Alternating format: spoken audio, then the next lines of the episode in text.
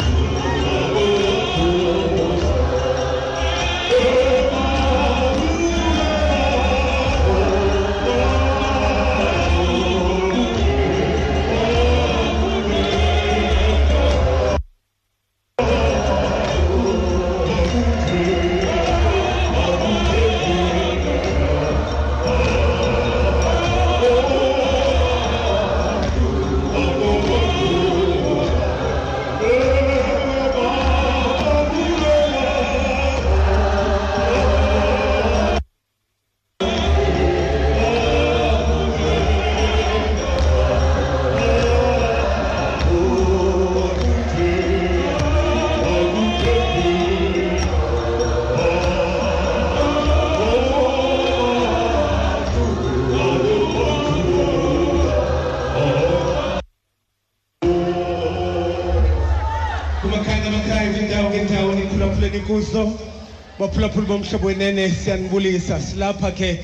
kwanocollege njengoba besitshilwa ifotere sikunye nabantu balapha nee-students zalapha nabantu bokuhlala ngegama lenkosi yethu yesu kristu mandinibulise Kafaleni andami ndedwa ke njengesiqhelo. Mandithathe elithuba ndibulise kumphulaphuli womhlobo ne-FM 88 to 106 igama lam ndingunomonde kavakalisa sesikhona ke mphulaphuli njengoko sitshilo into yokokubana sabe silapha edikeni indlu izele ngembambo igcwele kumbejembeje sifuna ukuvisa nje mphulaphuli into yokokuba ali apha asihambi sodwa ndicela nitsho emakhaya nithi unomhlobo mhlobo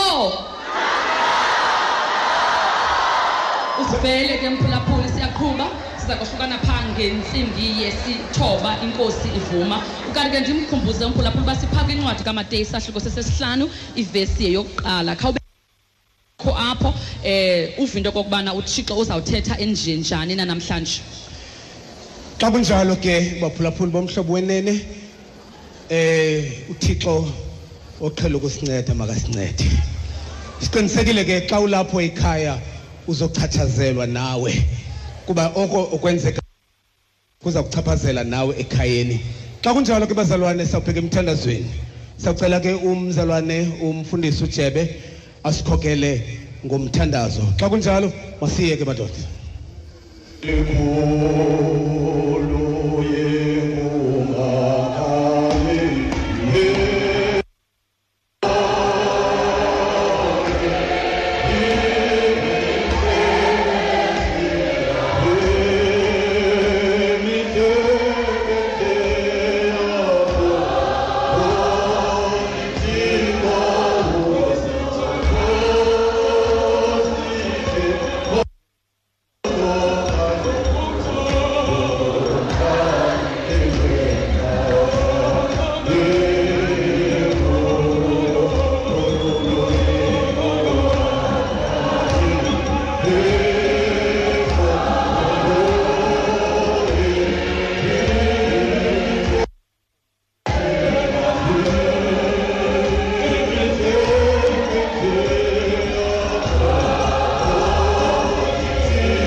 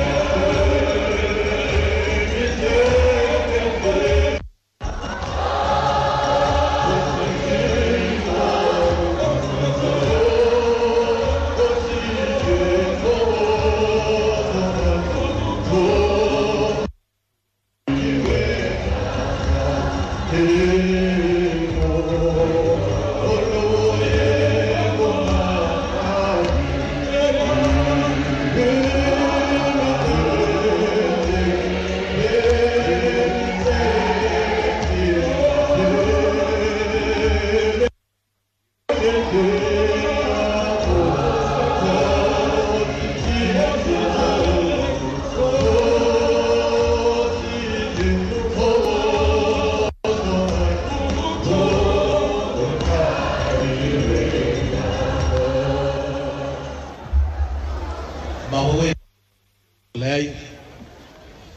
ngobusuku uthixo wethu banamhlanje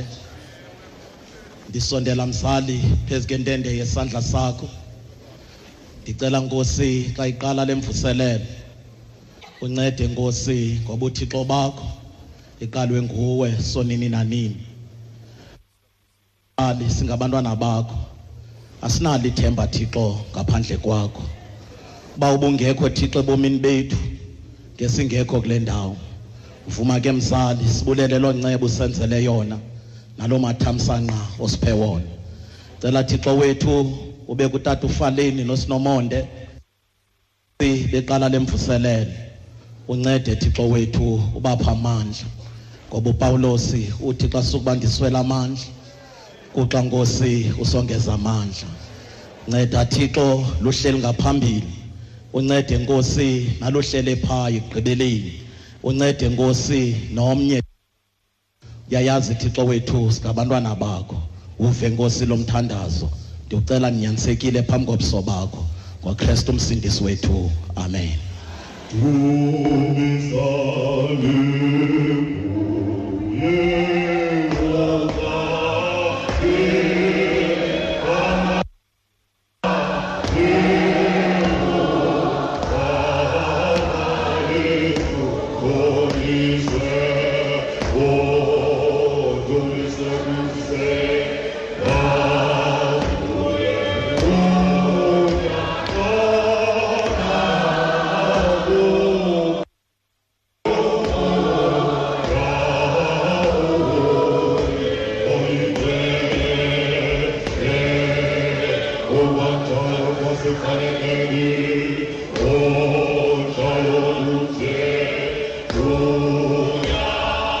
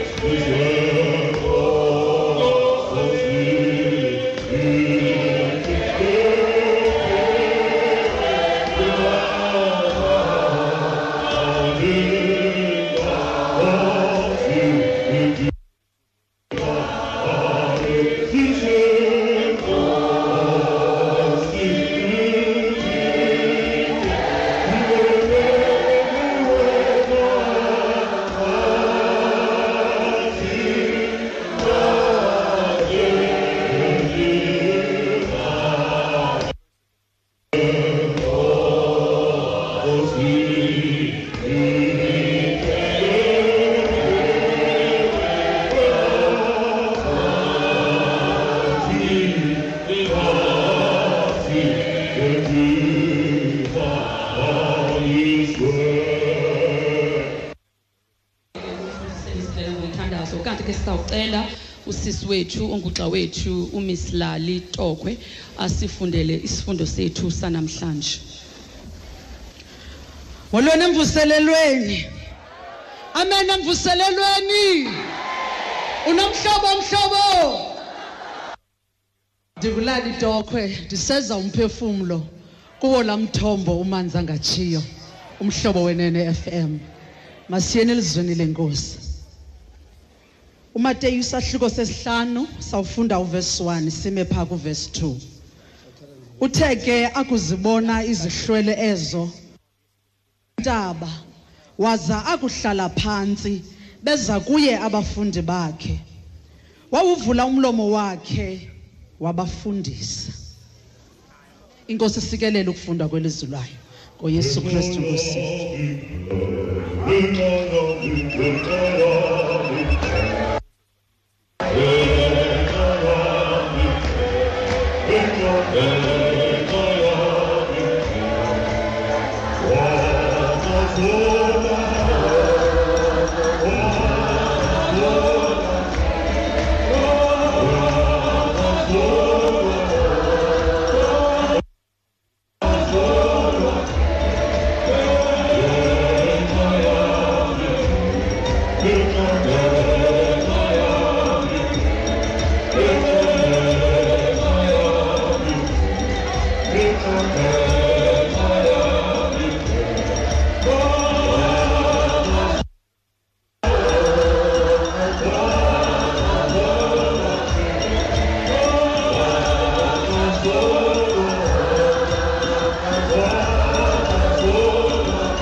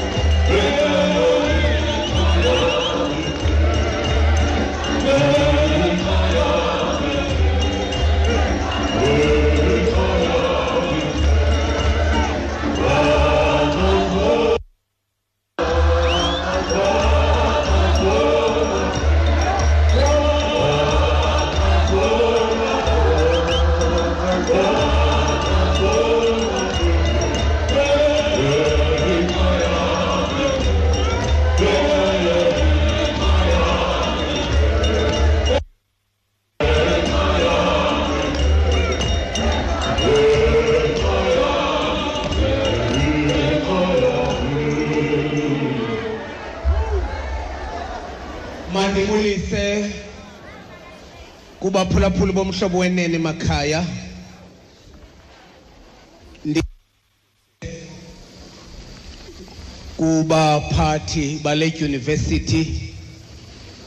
onjingalwazi abakhoyo apha namhlanje noogqirha nootishala bale dyunivesithi abafundi abaphethe pha kwicandelo labafundi oobhishophu oomongameli abakhoyo apha befundisi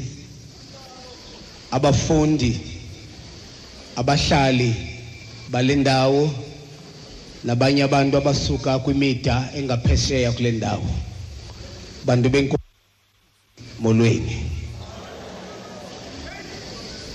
sizobeka nje ilizwi ngethemba lokokuba uthixo angathabatha ithuba lokusinceda ngelo lizwi ukuze thina sitsho okokuba sincedwe lilizwi likathixo uba inene linamandla okuncothula imithi emikhulu malenze njalo nangoku kuba inene zakuphela into zonke kuthi tshabalala konke abe yena uthixo ekho kuba engena uthe ke akusibona izihlwele ezo wenyuka intaba waza kuhlala phantsi beza kuye abafundi bakhe wawuvula umlomo wakhe wabafundisa sikuloo ndawo bomama notata befundisi bazalwane uthe ke manibethe nje indawo ezimbini abashumayeli balindile emva koko sizokusuka siye kuthi sonke apho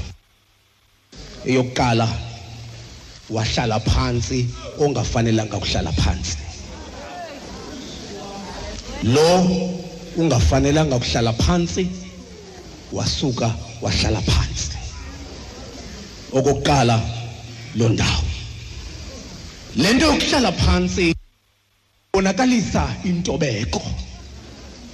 ukuzinikela nokuzithanda kancinci kodwa uthanda abanye kakhulu kunawe kuba uyesu wayengafanelanga kuhlala phansi kodwa wahlala phansi le nto mhlawumbi xa ungumfundisi kumele ube nexesha lokuzidela uhlale phantsi ngoba iyabonisa le nto mhlawumbi uba izinto ingathi azihambi kakuhle kuba abafundisayo abasa le nto imele uba ingxaki le nto ngakumbi uhlale phantsi ubone izihlwele ngoba xa ubona izihlwele ungawungema ngenyawo zikubone kodwa uyesu phambi kwesihlwele wasuka wahlala phantsi le nto bazalwane yimfundiso yoba ngenye imini noba kukanye ngonyaka uba kusifundisa ukuhlala phantsi nobuphakame kangakananida ngoba uyesu namandla ukuze akwazi ukungena kwizihlwele wazidela ongafanelanga ukuhlala phantsi wahlala phantsi Hlaleni phantsi uyinkokheli nje. Hlaleni phantsi. Wahlala phantsi. xa iboniswe bazalwane nam ndiyaguquka andinamandla okuhlala phantsi ndibona abantu xa ndibona abantu kungona ndithanda ukuphakama ngokuphakama kodwa inkosi yathi xa ibabona yasuke yahlala phantsi hlala phantsi ukuze ufundise singathi singathi le nto ingumfundisi Hey bazalwane, ndithe ndiyaguquka nindixolele. Ndithe ndiyaguquka. Singathi isakhono somfundisi kukuhlala phansi. Ingathi uba ukwazi ukuhlala phansi awunaba ngumfundisi. Ngoba uYesu onamandla onke wathi exabiseke njalo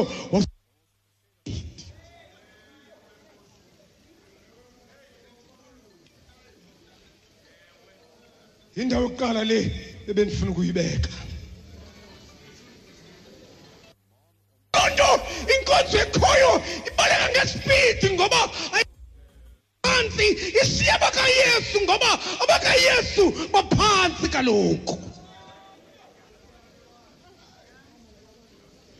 nangokuba uphantsi buphantsi kakhulu ukhathelelwe ngubani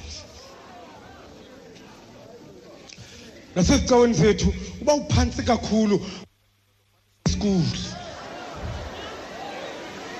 uzawunyulelwa ntoni uphantsi ngoba inkonzo ikhangela abantu abanezinto ngoba inkonzo ayisahlali phantsi imi ngenyawo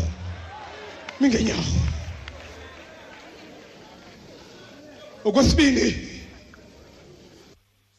fundisi bam ndizoyeka icoceke kakhulu le nkonzi ikhoyo ayinakwazi uhlala phantsi cocekile inembe emhlophe cocekile ayinakwazi uhlala phantsi kodwa uyesu namandla wawudela umhlaba wanaba phansi uyesu ngoba umsebenzi wenkonzo kukuhlala phansi abadinga inkonzo baphansi kakade phansi kakade yolo nto uyesu xa abafundi bakhe besithi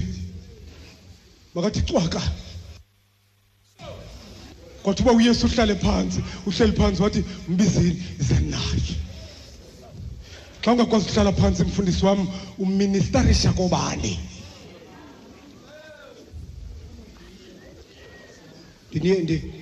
ndiyeke ke le ndawo yabefundisi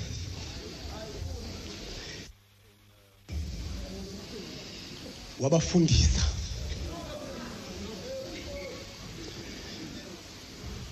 si nisixolele siseyunivesithi apha sithetha ngemfundo apha wathini wabafundisa uyesu wabafundisa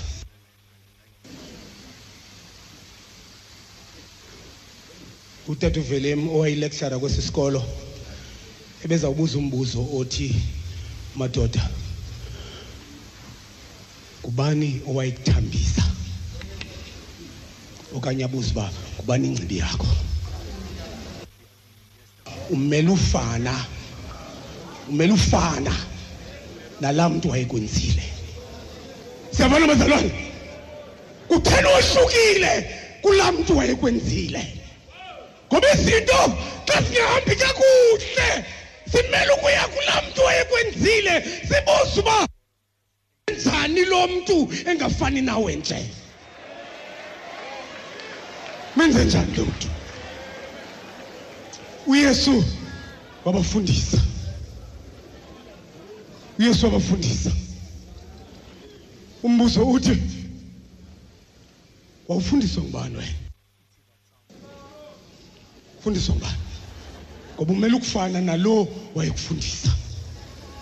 elokugqibela ndifuna ukuthi bazalwane umfundisi yabona uyesu ngumfundisi uyafundisa umfundisi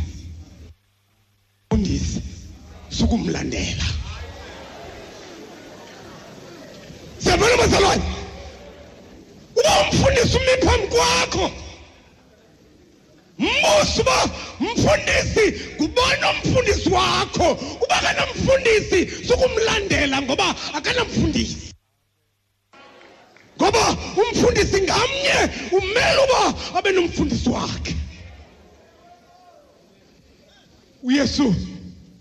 ngumfundisi wafundisa abanye bathi xa behamba beyokufundisa bathi sifundisiwe kuthe mntana ngofundisa nje ungafundiswanga them sesidibana nawe sowufundisa nje ufunde kubani kubani wakho umfundisi elizwe lomzantsi afrika likekele namhlanje ngenxa yebefundisi abangenabafundisi lisisulu eli lizwe xa siyekayo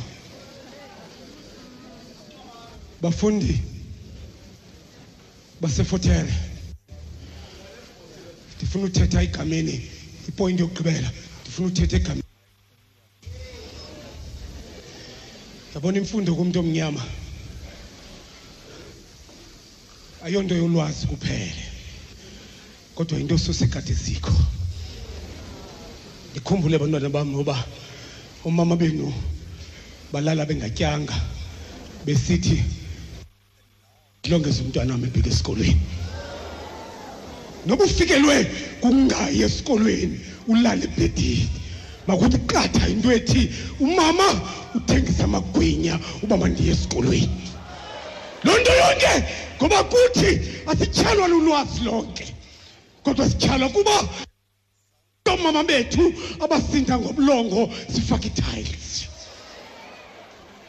ngoko ke bantwana bam niyixabise imfundo sithi phaa kumhlobo xa sithetha ngayo sithi imfundo inene ingumzali xa bebhubhile abazali sele bebhubhile imfundo ihloniphe loo nto bantwana bam thixo ndizikelele ukusuka kwethu kule ndawo suka kwethu kule ndawo sawubiza abashumayeli emva koba sibize abashumayeli ungahambi sizawusika ithuba ngoba xa kushunyayelwayo sendithi naxa kuthandazwayo ungahluphoswe apha njengoba kuculwa nje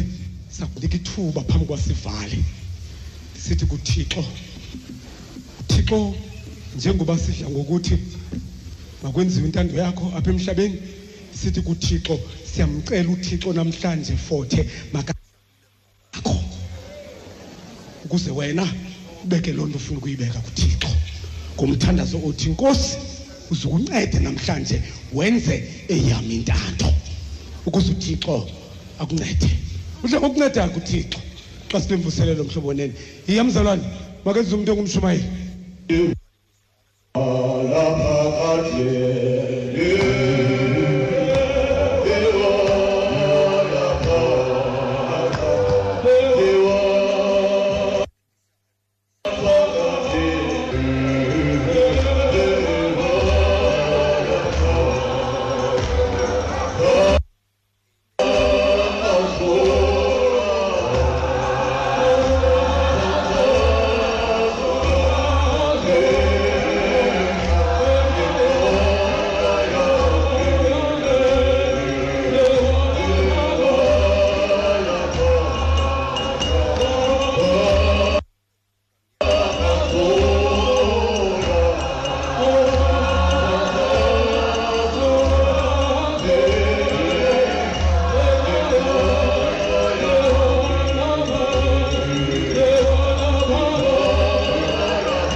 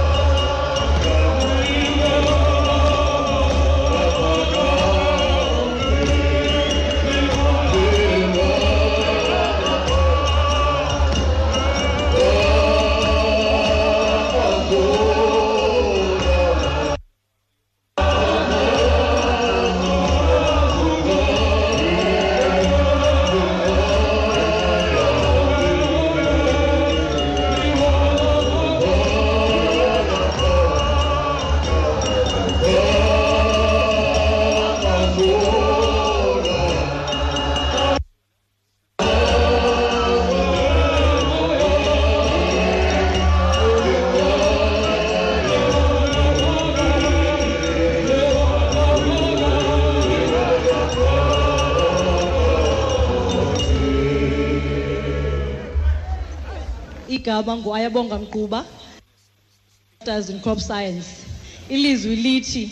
wathi wabona izihlwele wenyuka intaba. Point number 1, uYesu wenyuka intaba.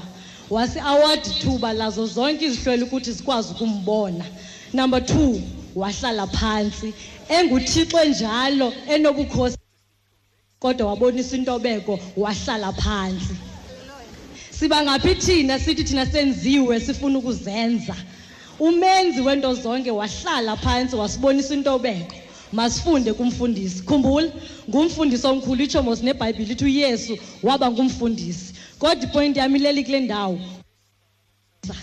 yonke ke le nto inee-responsibilities zimbini kukho le ingqengqe kulo ufundiswayo kukho lo ufundisayo masiqale kulufundisayo ngubani yena kaloku nguthixo mos yena he began the beginning even before it began siqale kuloo ndawo number two wena mfundi uyafuna nukufunda kumfundi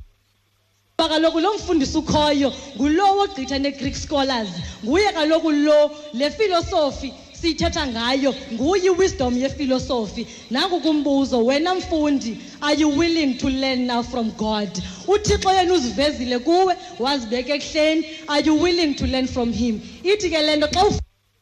na sukuhamba ngendlela yakho andithi mos sithetha ngemfundo le education unayo le llb unayo le bsc agric nayo ayithi le qualification unayo hamba ngendlela yakho thobeka uhambe ngendlela umfundisi wakho akufundise ngayo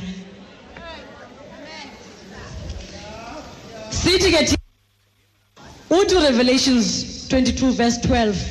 behold i am coming and my reward is with me kuyo yonke le nto siyenzayo masingayilibali into yokuba le mfundo sinayo yeyalapha ehlabathini kodwa thina kona sizondelele kuko kuba sifunde kumfundo omkhulu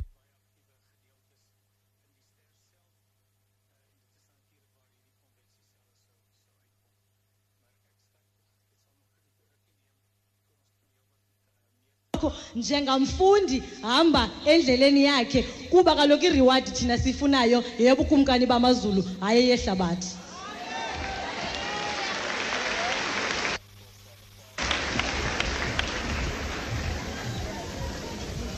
mandithathe elithuba ndizibulisele kuba bonke abantu abakule nkonzo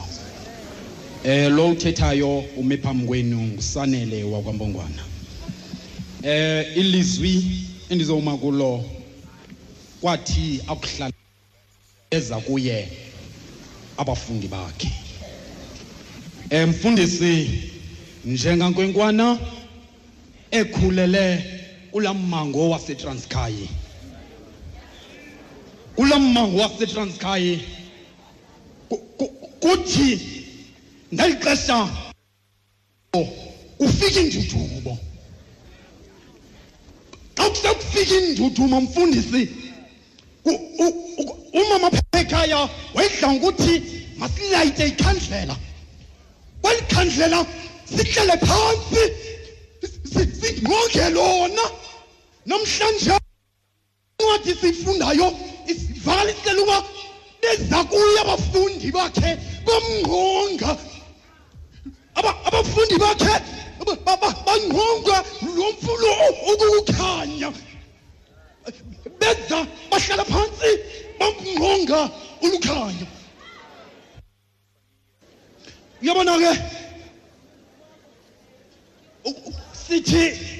hayi makhaya xa liselifikile izulu libethana kathathu esokuqala isithonga uvakala ucinga iintshaba zakho esesibini wenyusa idini elesithathu uvanga le uqonda uba uthi thixo ubuyandithatha namhlanje ndithathe ndikulungele besingobani na thina ube singemlungeni singemlulameli lalo yesu lo yesu olulamelwa nasingqwithelo solwandle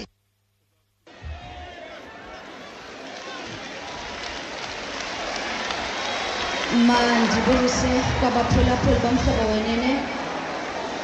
igama lam nguzimasa lolo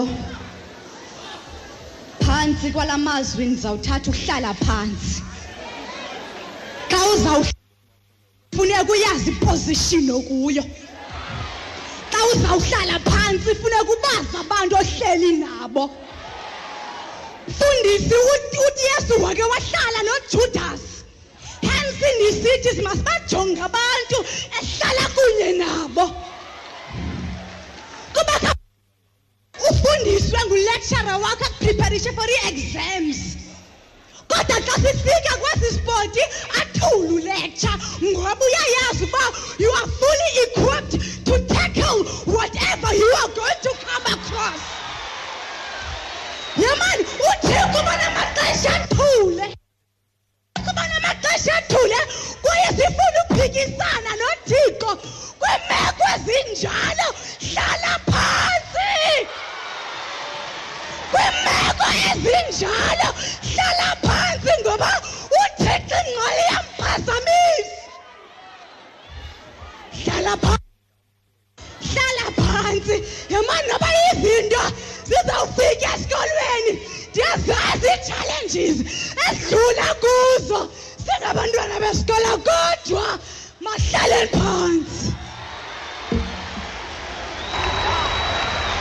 Thank you.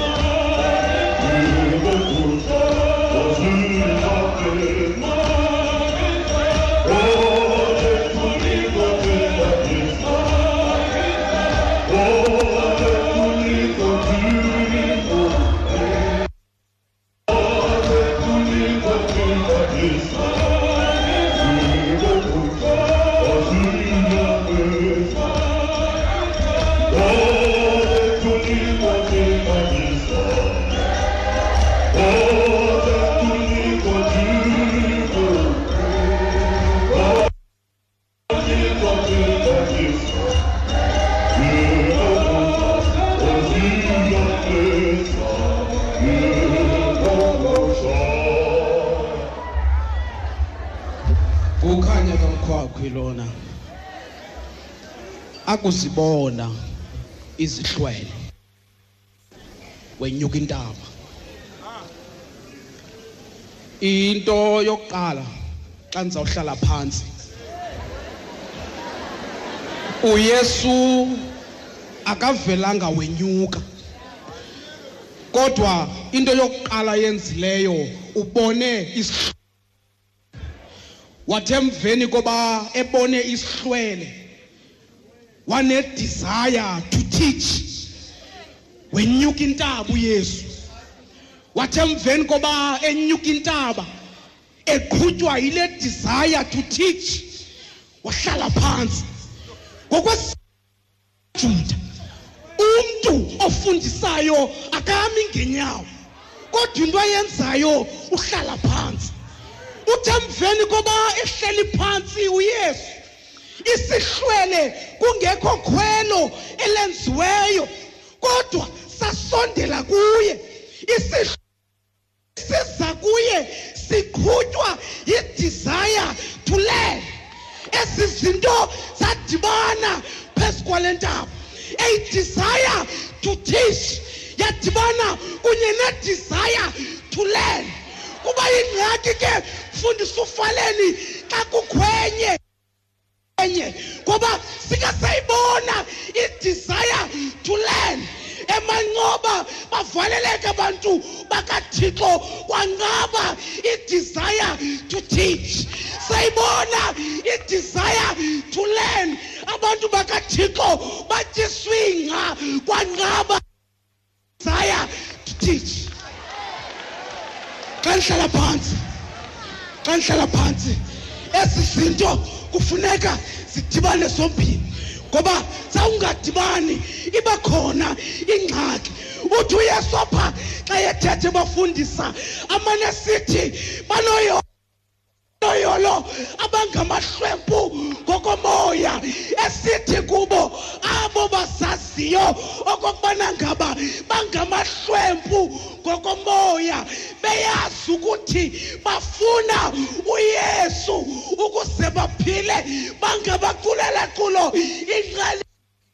intliziyo inqandela uthixo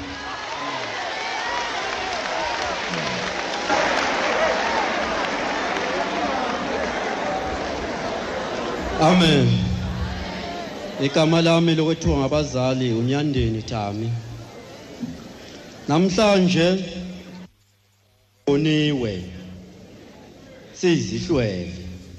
kubonwe thina namhlanje ngale yameni uJesu ayebone labafunda enabo namhlanje kubonwe thina uthe sebabonile wasenyukela ngithe mina kubonwe thina isihlwele ngisithatha njengenhliziyo yami ma enyukela entabeni ngithatha njengokuthi wenyukela kuphi enhlizweni yami ufike uyahlala uhlala phansi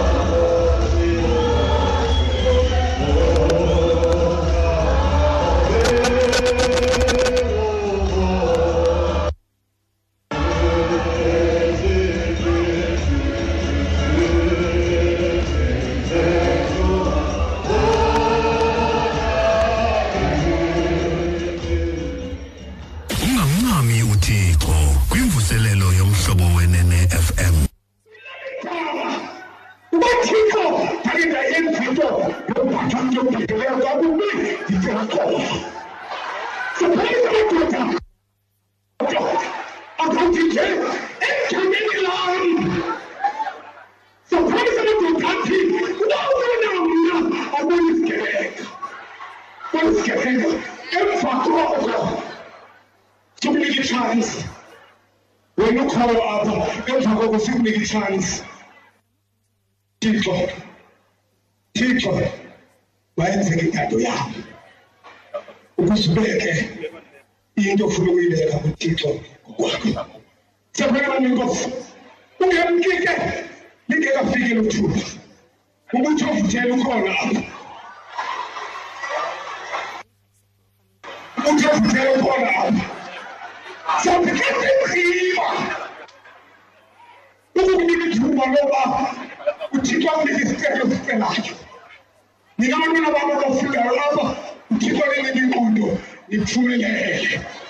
Emva koko lo mzuzu nifunda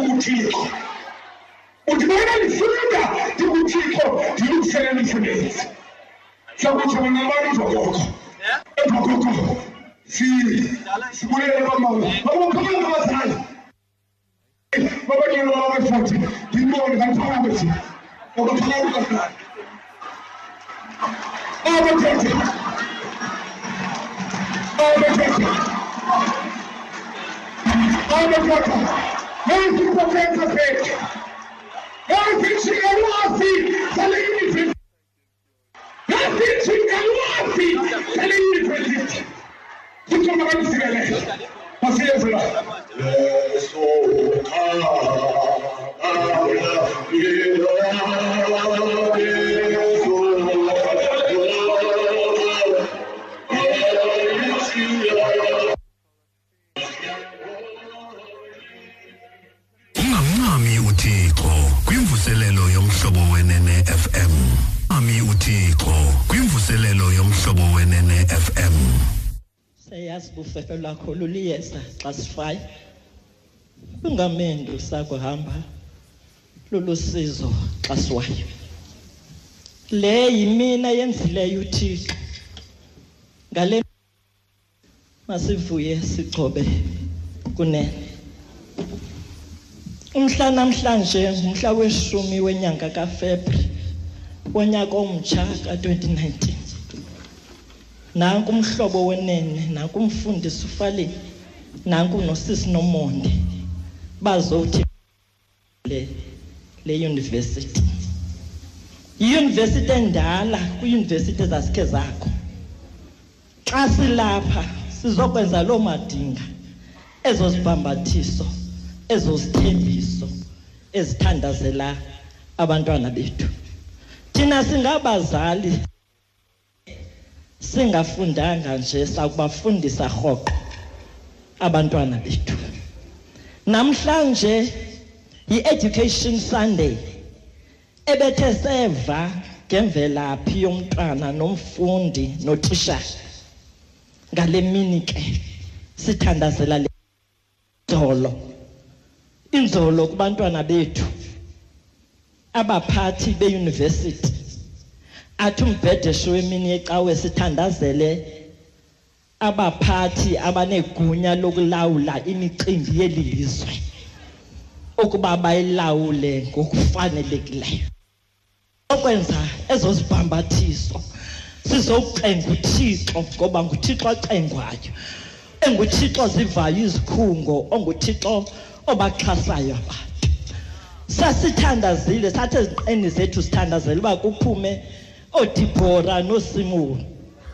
abokuhambisa ngoku sifuna oodibhora noosimoni bokuphatha eli lizwe lomzantsi weafrika baliphathe ngokunyanisekileyo benikwa amandla nguwe thixo beka ke thixo wethu le yunivesithi beka abantwana bethu ootishara beva abantwana bethu mele xa befundiswa bafundiswe ootishale benza umsebenzi wabo wokufundisa iyunivesithi ithathe izigqibo ezifanelekileyo ngexesha elifanele kubekho inzolo kuthi xaka kwenze laa nto eyenzeka kuyeselwandle kwathi kukho isivunguvungu somoya kodwa wathetha ngezwi Yesu wathi makubekho ukuzola kwathi xaka ngamana kunganjalo ngamana inyawo ezinyathele apha neentetho ezithethwe apha zingayintsikelelo kule yunivesithi siyayazi thixo nofefe uba izinto esizi asizibangi sinethemba elikhulu lezinye izinto oyawuthi usenzele sona nangakamadinga siwabeka phambi kwakho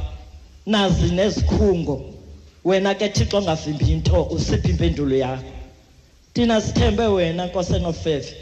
sincede nanini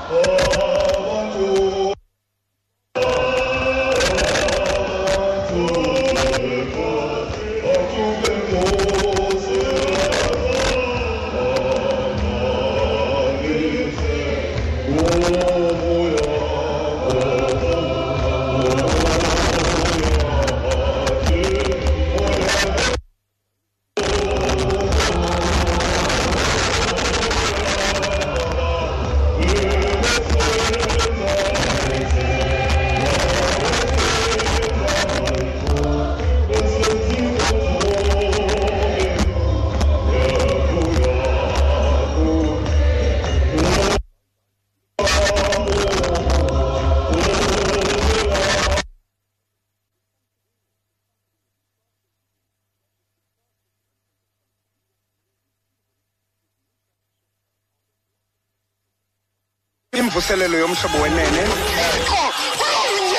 makakufudumanise nawe rhoqo ngecawe intsimbi yesixhenxe malanga ukuya kwintsimbi yesithoba uyamkhulula umntu wakho ngokuba xa ilizwa njengezibudu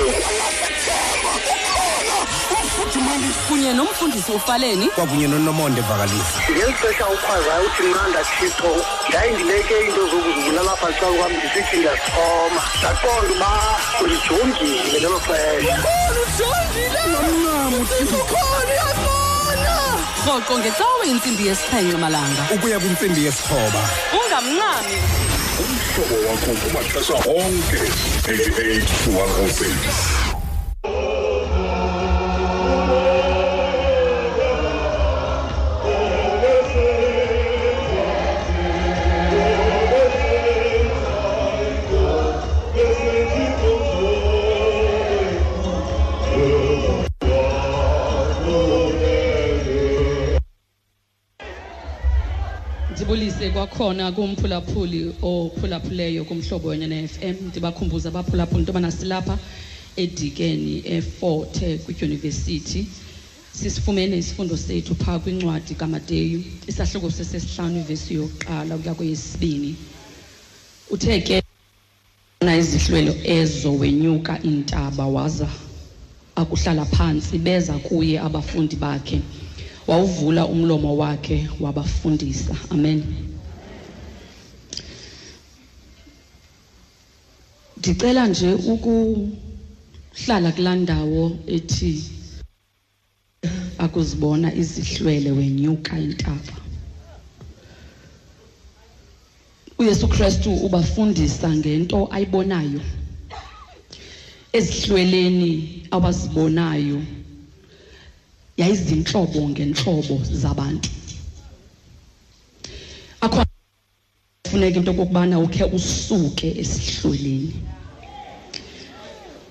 usukile uyesu kristu esihlweleni kuba iqonda into okokubana ngamanye amaxesha isihlwelo siyabhidisa wayiqonda into okokubana apha ebomini akhona amaxesha afuna unyukele ngasentabeni maxesha afune unyuke uye ngasentla uzawukwazi ukubona izinto ngohlobo oludifferent olunomahluko kule ndimbane yabantu eyayisiza uyesu kristu ubabonile abakhedamileyo kule ndimbane yayisiza izihlwele ubabonile abanxanelwe bulungisa kule ndimbane eyayisiza kuye ubabonile abangahlambulukanga abadinga ukuhlambuluka kule ndimbane uyesu kristu ubabonile abatshutshiselwa inyaniso kule ndimbane uyesu kristu ubabonileyo ubabonile abangcikivwayo uzise le ntshumayelo uyesu kristu ebantwini bakhe kube zobanikeza ithemba kodwa izibhalo zithi ukuze le ntshumayelo ivakale kwafuneka enyuke intaba kwafuneka enyukele ngasentla ikhona ke into enoyesu nentaba ngoba amaxesha omini bakhe uye sebesenyuka intaba ebenyukela ngasentla zikhona imeko ezithi zakusongamele bomini bethu kufuneka sinyukele ngasentla mangaphi amathuba aphunyukela ngasentla ndikhumbule enye inkosikazi kwizibhalo zithi izibhalo iko ethi umntana wakhe uswelekile emasimini wahamba wayolanda umntwana wathi akumfumana wanyukela kwigumbi elingasentla zikhona iimeko ezingafuni uba ube kwindimbane yabantu zikhona iimeko ezingafuni ube sesihlweleni zikhona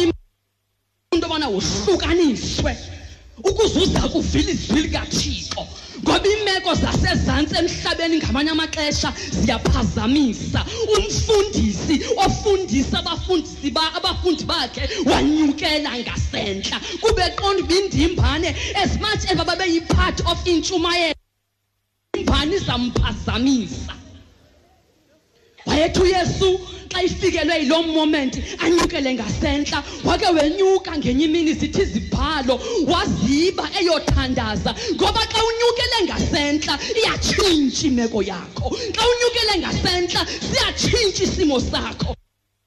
gqithile wazohlukanisa uvuthixo ngohlobo lwahlukileyo mhlawumbi imeko yasefothe idinga abantu abazawunyukela entabeni imeko yasefothe idinga abantu abazawusepareyitha ngoba umntu onyukela ngasentla ngumntu ongasindwa ngumthwalo wakhe ngumntu osindwa sisililo sasefothe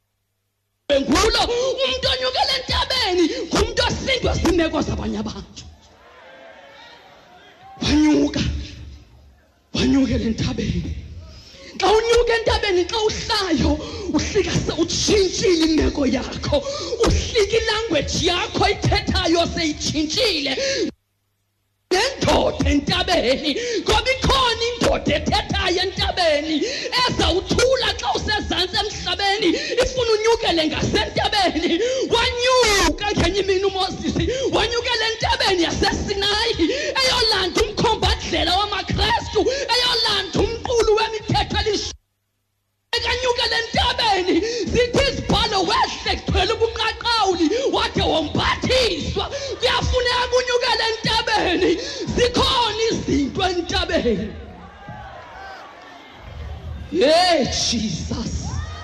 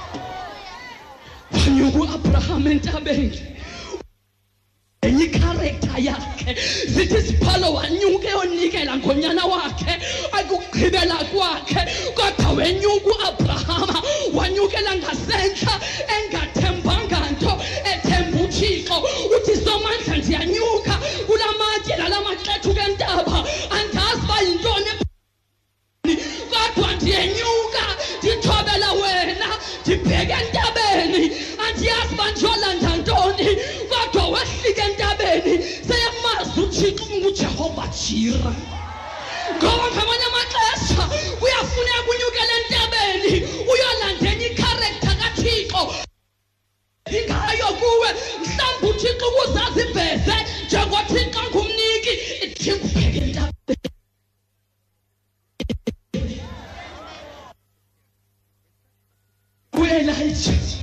when you get entered in yes, the Mount Carmel, eyo is Jesus. When is ngelo xesha usendleleni eyocela imvula uthi uthixo hamba ubaxelele uba lizawuna kodwa waqonda uba before kutshabalale bonke abaprofeti bakabhali mhlawumbi ukuze umzantsi afrika kuphela biza uthixo osabelayo zithi izibhalo wabanikeza umcelimngeni wathi bizani uthixo wenu ndizawubiza kuchikawama yeke entabeni yasemerkamele zithi izibhalo wabiza kanye akhe waphendula ngomlilo satsho isibingelelo kuyanyukwa kuyanyukwa kuyanyukwa kuyadingeka kunyukwe kuyadingeka kunyukwe khona indoda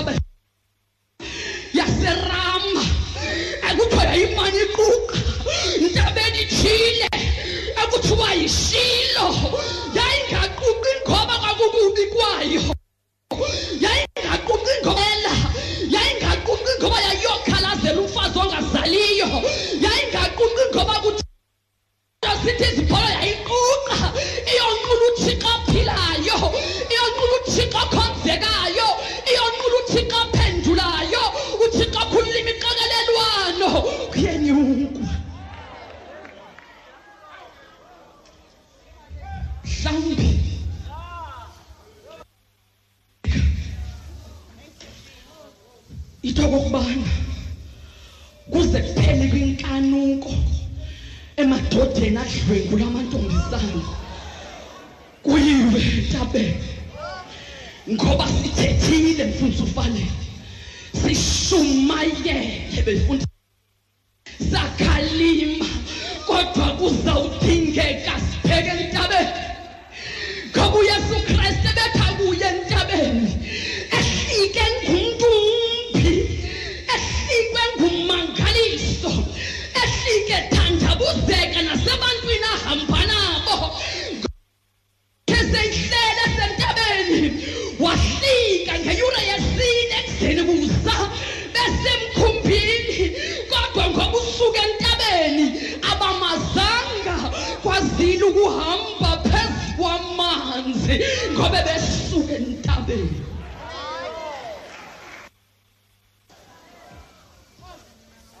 mzantsi afrika udinga abantu abazawunyuka babheke intabeni mhlawumbi ingalungi nje le nto yakho ungumima iself and i uyambona umntana kama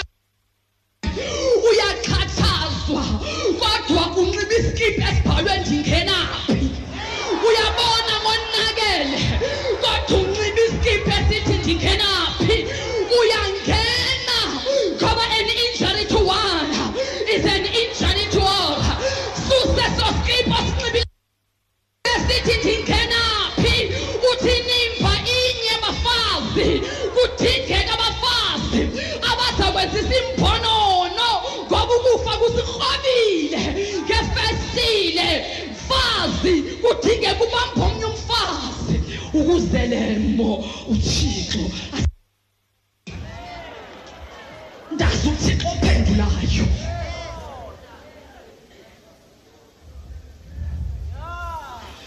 ndazi uthixo okhulula imixokelelwana ndazi uthixo obizwa sabele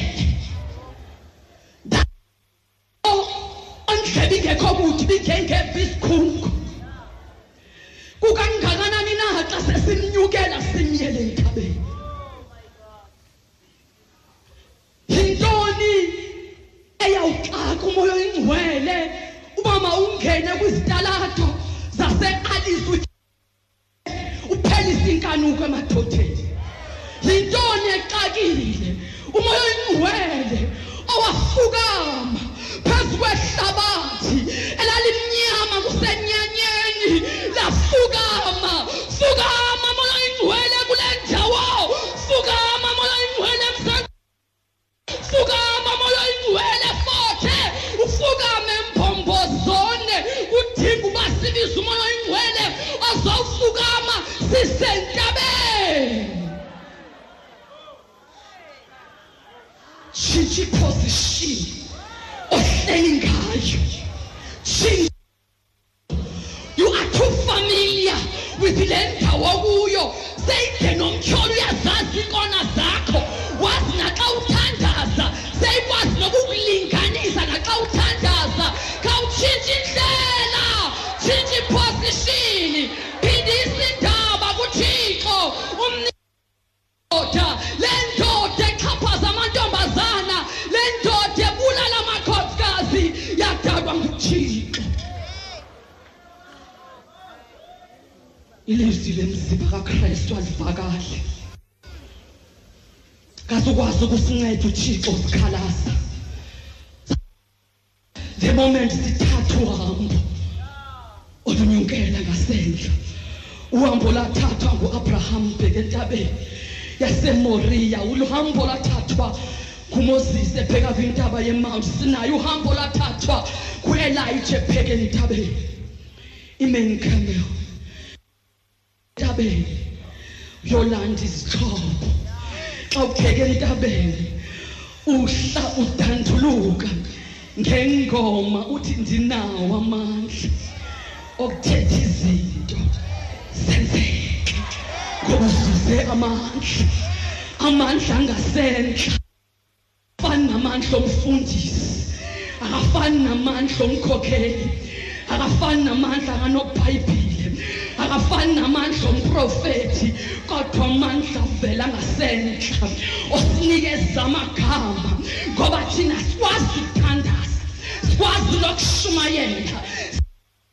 Khamba kumoya oyingcwele lixesha likamoya oyingcwele.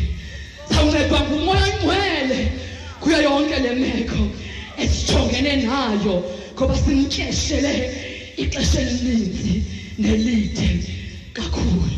ngoKristu Nkosi yethu. Amen.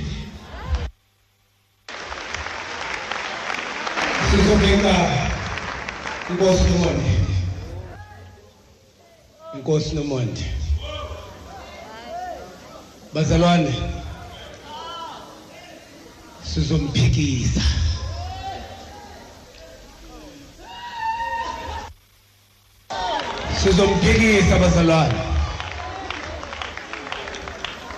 sizomphikisa cela siphakame bazalwane simphikise nomonje sicela sicela otata nje sicela ocasa sicela otata nje sicela amadoda sicela amadoda odwa ningahlala bomama sicela amadoda odwa Sicela nje amadoda odwa bazalwane. Sicela nje amadoda odwa simphikise uNomonde.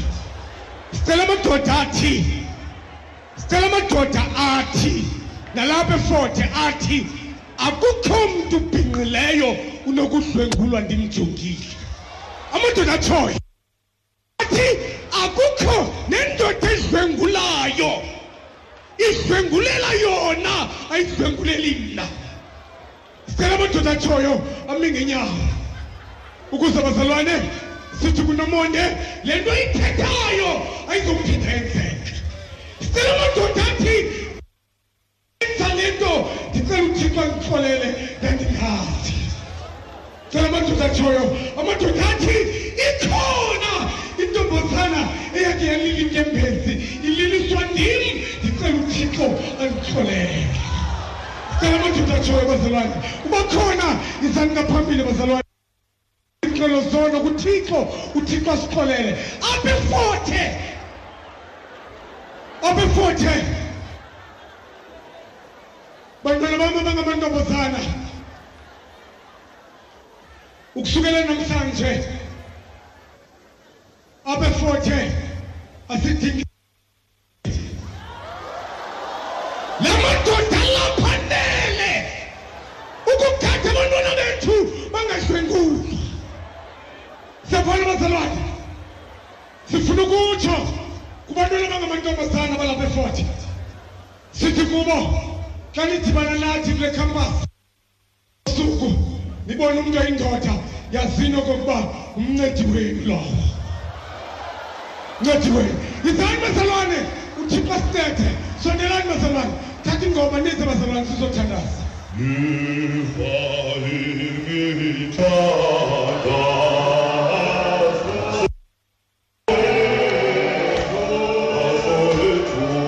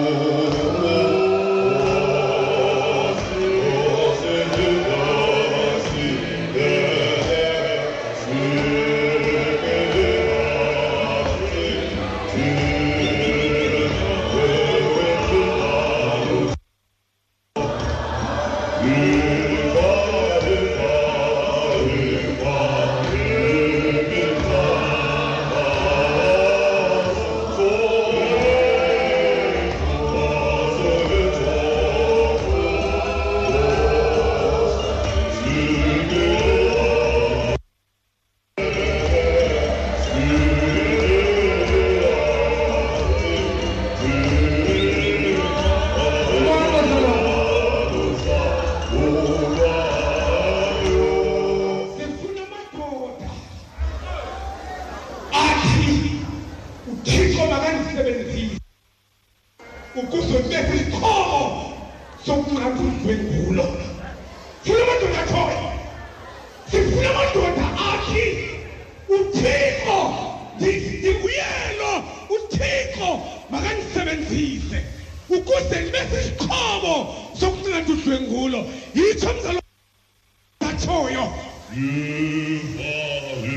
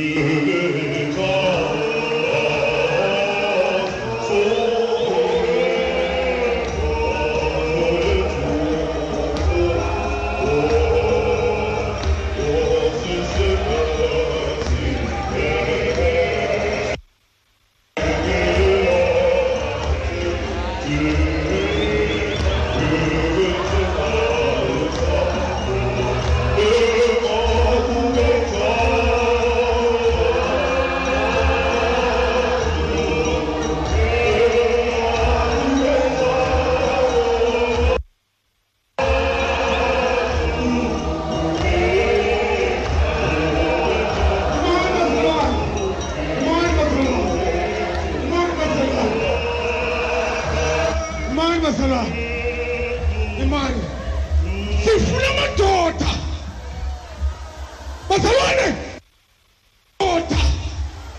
athi uThixo makandisebenzise ukuze ndibe sisikhobo sokunqanda udlwenguzo. Sifuna amadoda athi andinakuze ndimmele umdlwenguli noba seyitshomi yam. Makube njalo bazalwane.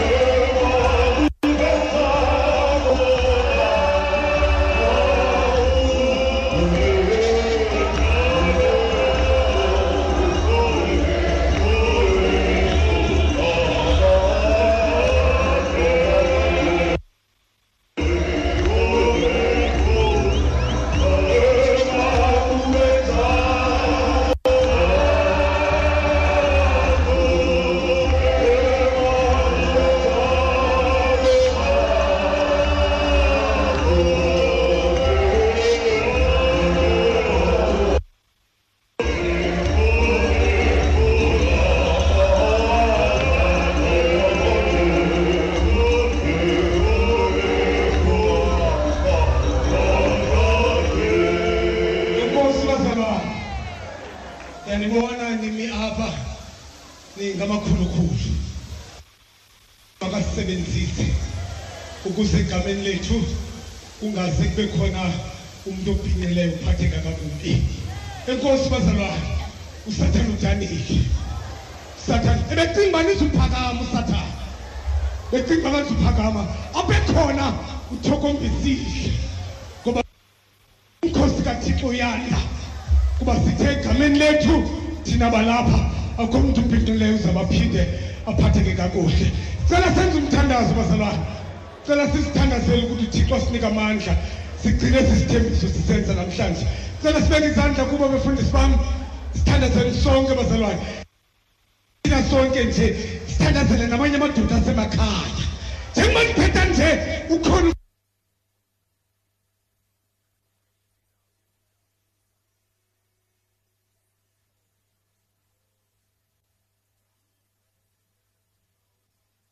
ngokathixo lo mntu ngoba oda inokudlwengula umntu obhinqileyo ngaphandle kokudlwengula uthixo masibathandazele bazalwane siyathandaza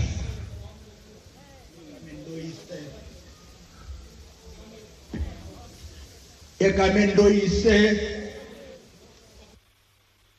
lonyana nolomoya oyingcwele thixo wethu olungileyo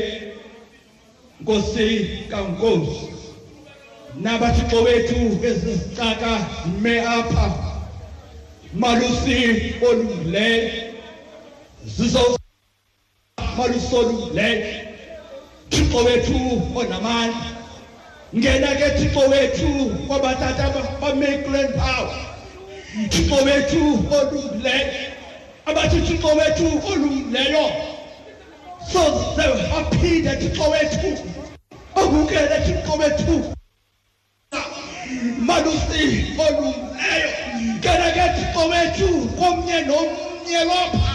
thixo wethu olumleyo nceda ke lowa nceda omnye thixo wethu olumleyo abanye thixo wethu khangabalala izolo kumkani onezizwe thixo wethu olungileyo nceda esi sizwe nceda ke thixo wethu esi sizwe nceda ke thixo wethu amadoda lapha thixo wethu olulungisa yini thixo yini kumkani sonakela isizwe yini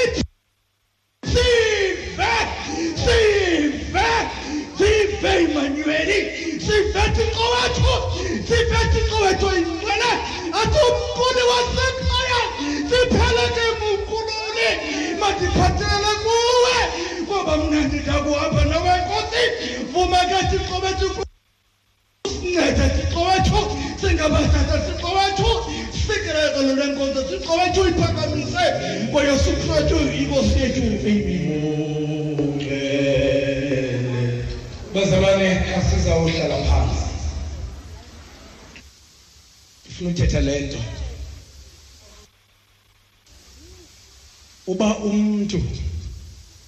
wenziwe ngokomfanekiso kathixo njengoba isibhalo sisitsho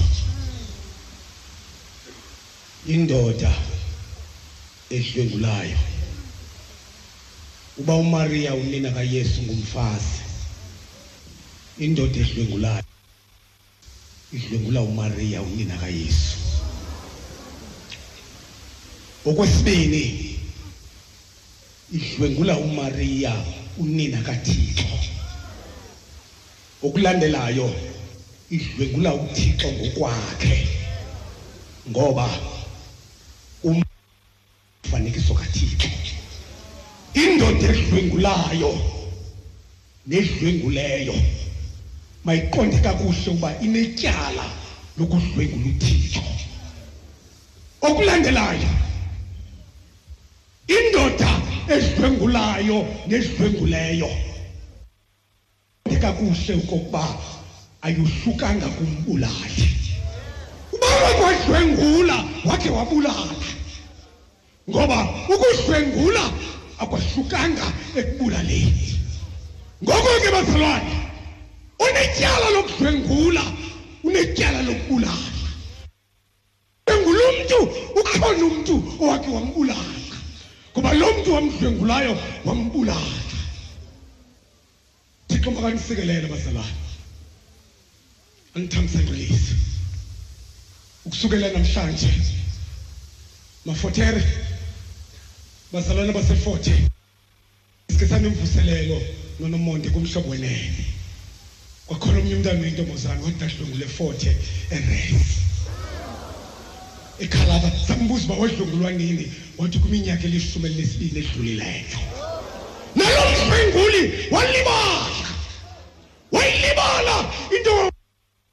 sifuna ukuthi kuye ubake walidlwengula konza kakuhle uba umdlwenguli wakho usadudunjelwa nanamhlanje ngento wayenzayo apha eroad university umntwana obephaa eroad uphantsi komhlaba namhlanje ngoba kazange ammela nokudlwengula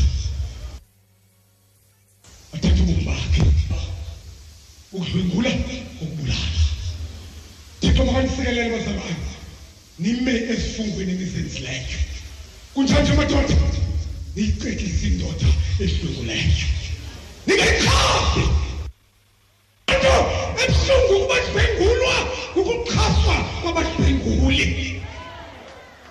nasekhonti ufika umdlwenguli exhwasiwe loo nto idala uba umdlwengulwa ibe ngathi nguye ozifuneleyo le nto bazalwane uhayinguhashi thixo makandisikelele bazalwane inkulu into eniyenzileyo namhlanje ndiza kwenza abantwana bethu abalapha efote bahambe bengoyiki kuba bayazi uba nina nifungile nathi sokuze nidlwengule okwesibini sokuze nibe yitshomi nomntu odlwengulayo thixo makandisikelele bazalwane basathi inkoma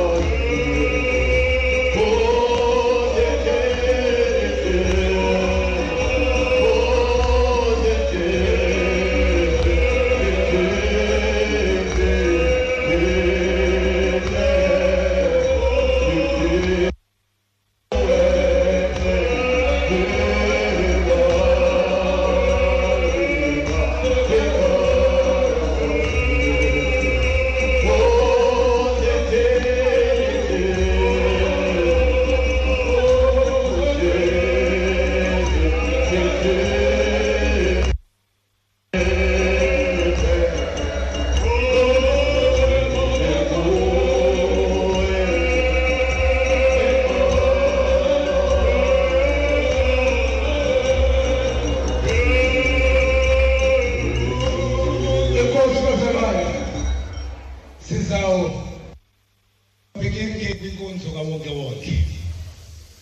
ukuze singayivali le mvuselelo ungazuzanga nto ungalifumelanga ithuba lokuthetha nothixo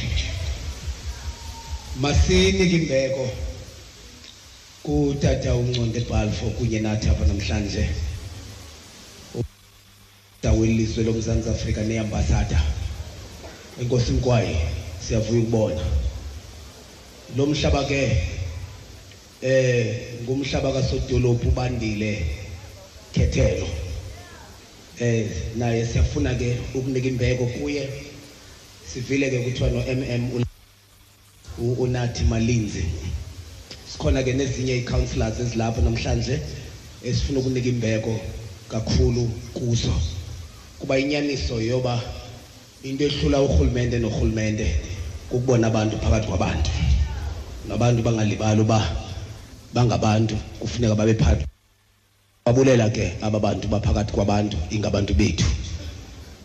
sibheka enkonzweni ke ngoku sidla ngokuthi ke nonomonde uthixo uyaphendula uba unento uzisileyo apha kule mvuselelo ofuna ukuyibeka kuthixo sakunike lo thuba ke ngoku beka into yakho kuthixo ukuze xa ugoduka apho uthi noba iyakutya ngomso uthi unganditya kodwa ndikubekile kuthixo izolo xa uzawuqhubekeka umane uthandaza ungawuphindi lo mthandazo wenze apha noba ungena etoilet uthi kuthixo kodwa ekbenini ungayiphenduli into yam endandiyibeke kuwe eforte kodwa ekbenini kuze uthixo andimazi oba uthixo uphendula nini kodwa into endiyaziyo uthixo uyaphendula ngoko sakunika ithuba ke sakunika ithuba ke lokokuba usondele kuthixo nomthwalo wakho le mithwalo inzima manga ukudlula uthixo le mithwalo inzima kodwa inzimanga ukudlula uthixo naxa uyikhetha uza kuyibeka ungashwaqi yonke into khona leya uthi nobulele ebusuku yakuthi qatha buphele ubuthongo phambi kothixo ukuze uthixo akuncede ngoba uthixo uyanceda thatha ingoma bazalwane uphakame uze ukuze uthandaze sokuncedisa emthandazweni yeah,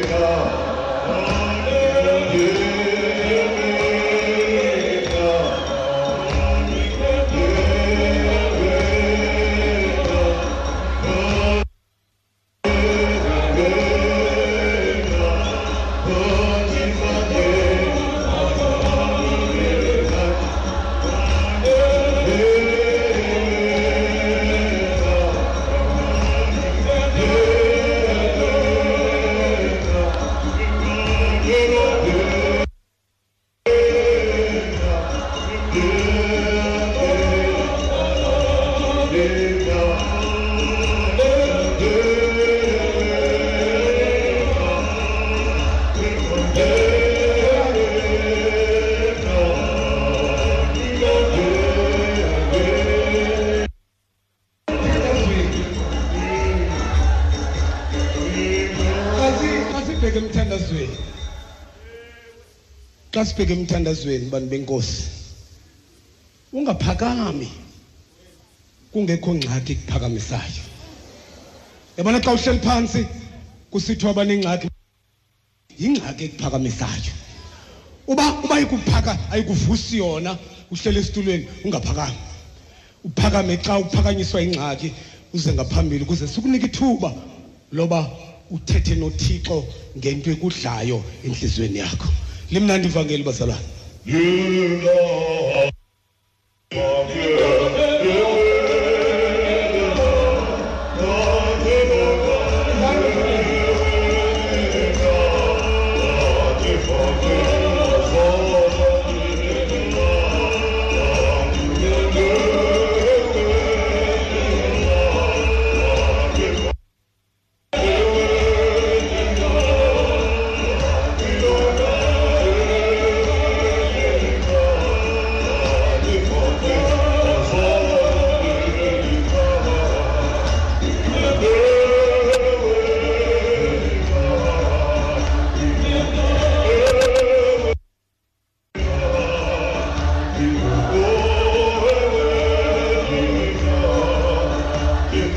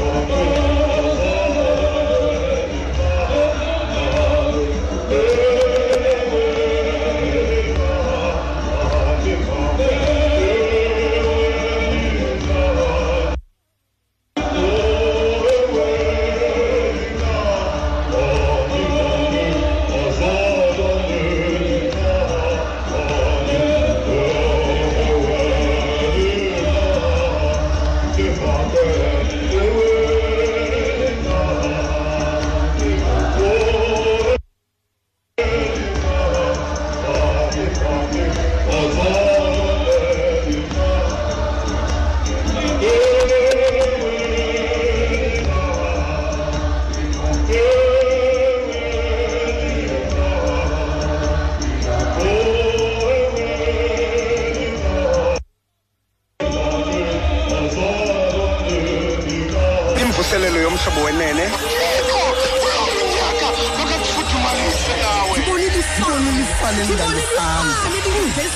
rhoqo ngecawe intsimbi yesixhenxe malanga ukuya kwintsimbi yesithoba uyamkhulula umntu wam ngokuba xa ibizwa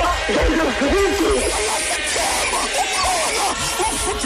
kunye nomfundisi ufaleni kwakunye nonomonde valo